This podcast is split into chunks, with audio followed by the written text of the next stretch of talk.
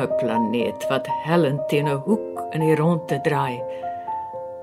Dis te vergeefs dat jy 'n paradys wil wees. Jy wat so onwys, so tot kreunens toe oorlaai is met jou lewende, lydende, weerbarstige vrag menslike vleis.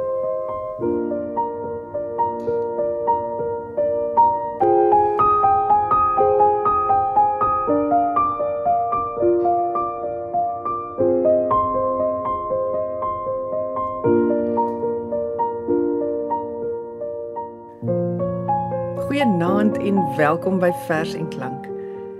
Hier in Suid-Afrika vier ons gedurende September maand ons ryk en diverse kulture onder die vaandel van ons erfenis. Dit sluit al ons mooi landstale en dialekte in, ons kultuurgebruike, die lekker kos wat in verskillende streke van die land gekook word en natuurlik ook gebraai word. ja, 'n choppie op die rooster op spesifiek die 24ste September het 'n groot samebindende faktor vir Suid-Afrikaners geword, nog 'n manier van nasiebou. Want hoewel ons erfenisse so uiteenlopend is, is daar tog ook baie dinge wat ons kan deel. En een daarvan is byvoorbeeld Suid-Afrika se natuurskoon. Dit het my laat dink aan die erflating wat ons vir die mense wat na ons sal kom agterlaat. Hoeveel generasies sal nog die skoonheid kan geniet. En toe gooi ek net sommer nog weier en begin fynkam digbundels vir verse oor natuurbewaring, oor die mens se verantwoordelikheid om die skepping op te pas. Ek het ook afgekom op baie gedigte oor hoe ons hierdie plig versuim. Vanaand se vers en klank, sowel as volgende week se uitsending, handel dus hieroor oor die arme planeet wat so swaar dra aan sy weerbarstige vrag, soos wat jy pas in Ina Rousseau se gedig Die lasdier uit 'n 1995 bundel 'n onbekende jaartal gehoor het. Ek is Sofia van Taak en die vrou met die strelende stem wat vanaand vir ons voorlees is Ronel Geldenhuys. Ons bly vereers by Ina Rousseau. Die volgende twee gedigte kom albei uit haar eerste bundel Die verlate tuin wat in 1954 verskyn het. Genesis. Die eerste dag het hy van wanorde bewus die lig laat opstyg uit die duisternis. Die tweede dag het hy die waters onder bewoe van die waters bo die hemel afgesonder. Die derde dag het hy die branders van die see versekerd van die aarde weggevee. Die vierde dag het hy met vaste hand son, maan en sterre aan die uitspansel laat brand. Die 5de dag het hy die voëls en visse laat gly deur hemele en nat swart duisternisse. Die 6de dag het hy die kiem geskep van die verderf. Die kanker wat gedug wat onverbiddelik van eeu tot eeu sy skepingswerk weer sou ten gronde rig. Eden staan daar nog in Eden eers verlate soos 'n stad in puin met poorte gruisam toegespyker deur eeue die mislukte tuin? Word daar nog die spoele dae deur spoele skemering en nag vervang waar donker geel en purper vrugte verrottend aan die takke hang? Sprei daar ondergronds 'n netwerk so suurkant deur die rotse heen. Die sware onontgonne riwe van goud en onyksteen vloei daar deur die natgroen struike nog met kabbeling wat ver weer klink. Die viertal glasblink waterstrome waarvan geen sterfling drink staan daar nog in Eden eers. Verwaarloos soos 'n stad in puin gedoem tot langsame verrotting. Deur eeue die mislukte tuin. Wilma Stokkenstroom is bekend vir haar kritiek op die mens se gedrag of sal ek sê wangedrag. Haar verse spreek dikwels van haar afkeer in die mens se superioriteit in die natuurorde en sy skaar haarself gereeld eerder by die diere, die plante, die goggatjies of die voëls, so asof sy haar vir haar eie spesies skaam Ons luister vanaand na 'n paar stokkenstroom gedigte, waarvan die eerste uit haar bundel Monsterverse kom, wat in 1988 deur Himan en Resou gepubliseer is. Agste monstervers. Die mens vergeet hom, los hom. Gemeet aan al wat groter, al wat kleiner is, in die al registreer hy nouliks. En nou nou nou dan se tjoef, klaar afgechop. In die al niks is die al in hom niks vir hom. Net hy self wat vreet die behaarde buis van glorie en smet 'n sotternay van mismoedigheid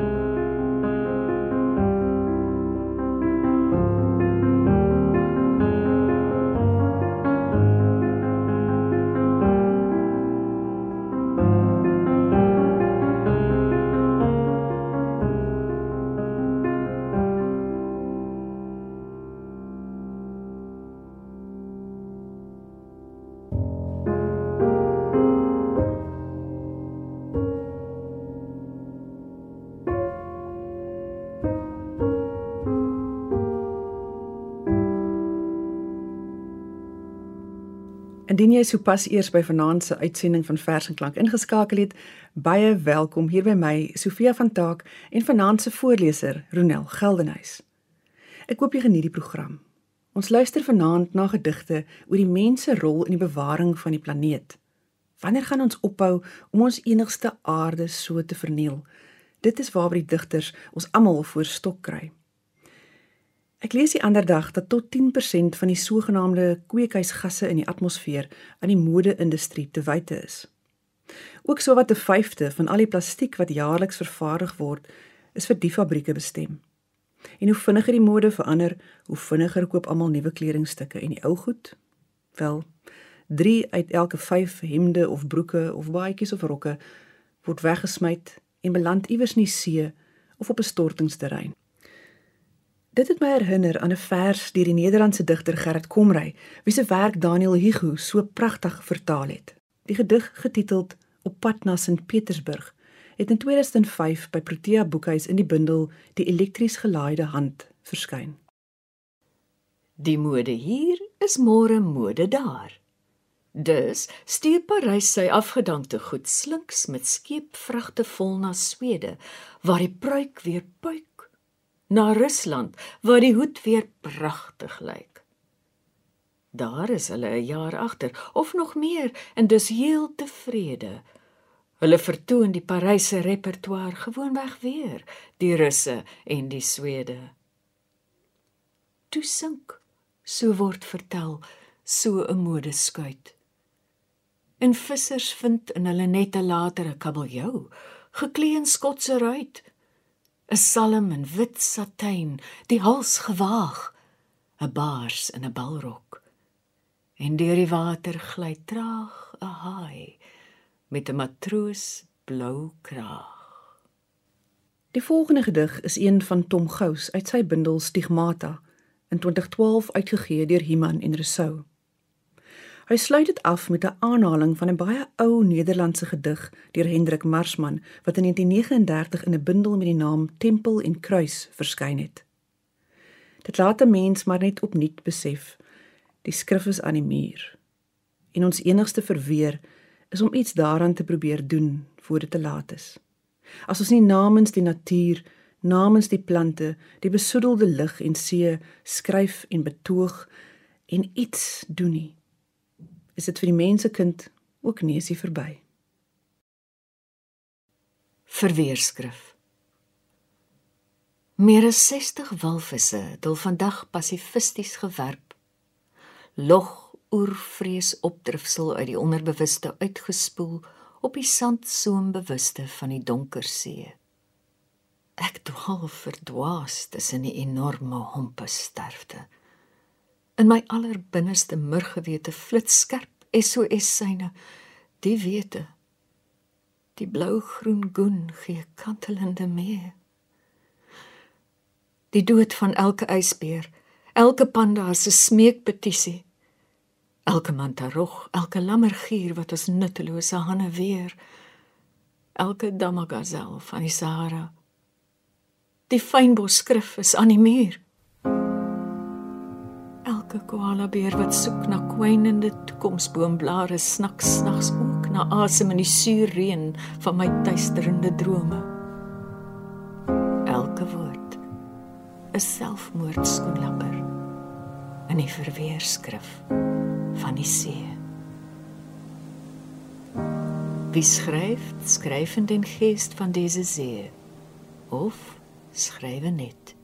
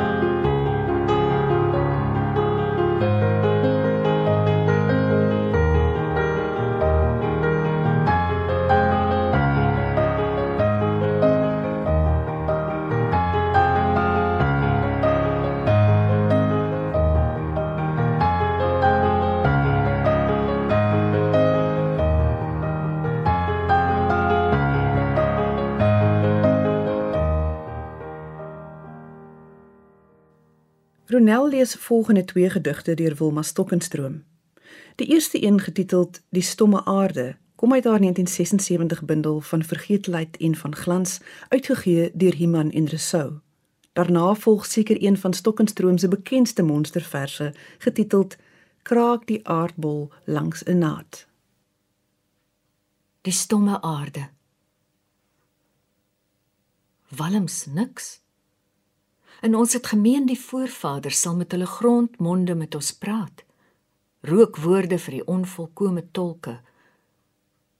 Die klipskeure buite bereik van die dag se goudlig was ou vrou splete. Dooie ingange verskrompeld agter vyeboomwortels se lyk wit greep. Die slote vertrek van pyn. Die knarsvlaktes, die brulsand het stil gebly en gehoed en die stemme van ons voorgeslag het dieper in die grond se maag gesak. Van vlammende uitroepe was daar geen sprake meer. Net 'n wind van buite die wêreld het om en om goeboe gewaai en Ferreira's dorp se sinktakke geruk soos iemand wat iemand aan die elmboog trek. In die graskraag om die mynhope het styf en regop gespring soos die maanhaar van 'n betrapte dier. En ver oor die sand loop die jakkals se netjies se spoor. Walms. Slegs walms. Waar daar tog 'n gemompel moet wees, binnesmonds en vonkende krete gevang in gespikkelde periet asof vuur die asem van die gees van die grond versteend lê en glim van geheime taal metaaltaal solied onderaard skoon en onverhandelbaar die drif die vuurspraak van ons voorvaders. Net wind net niks.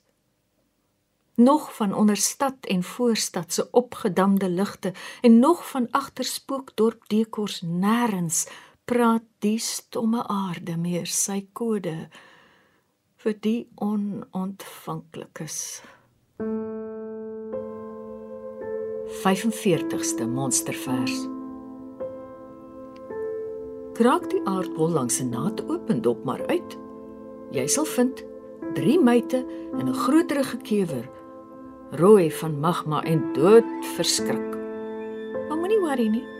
Alles werk ten goeie mee. Laat die vuur vloei uitloop in die al. En op die sterretjies drup, drup. Skud goed. Gom nou die elfde stewig vas en sien daar die nuwe aarde. Lig, leef, lief. Niks om te delf, niks te splyt. Niks meer te beskryf of uit te lê. Die kewer spartel in die melkweg en die meute verdwyn spoedig in die buik van wording. O, oh, aansienlik intelligenter is die meid, mens, skepper van leegheid. Was jy maar reg aan die begin en nie sommer somewhere in die groot proses nie, net maar so groot man. Maar se snaaksie hou sy handjies bak en vra bol, maar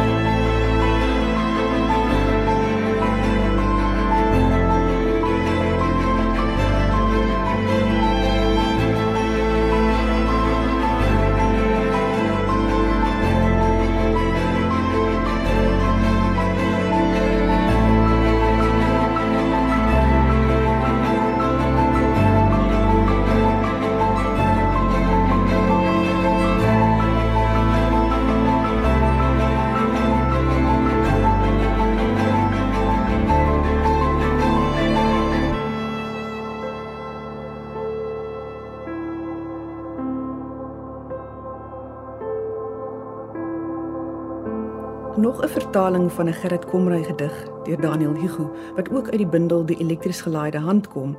Laat dit darm blyk asof daar nog hoop vir die mensdom is. As ons net wil onthou, daar is 'n alternatief. Verdwaal. Ek het verdwaal in hierdie labirint. So dole of bring 'n mens gou van stryk. Ek soek. Ek hardloop soos 'n warrelwind, vergeefs. Selfs my horlosie het beswyk. Op 'n rusbank van graniet by die kruispunt van 'n duisend paaie suig ek neer. Ek sit en hyg. Dit klink soos die gedruis in 'n skulp. Toe ek die uitgang gewaar waar agter 'n oeroue wêreld skuil. 'n Dinosaurus is aan 'n dit.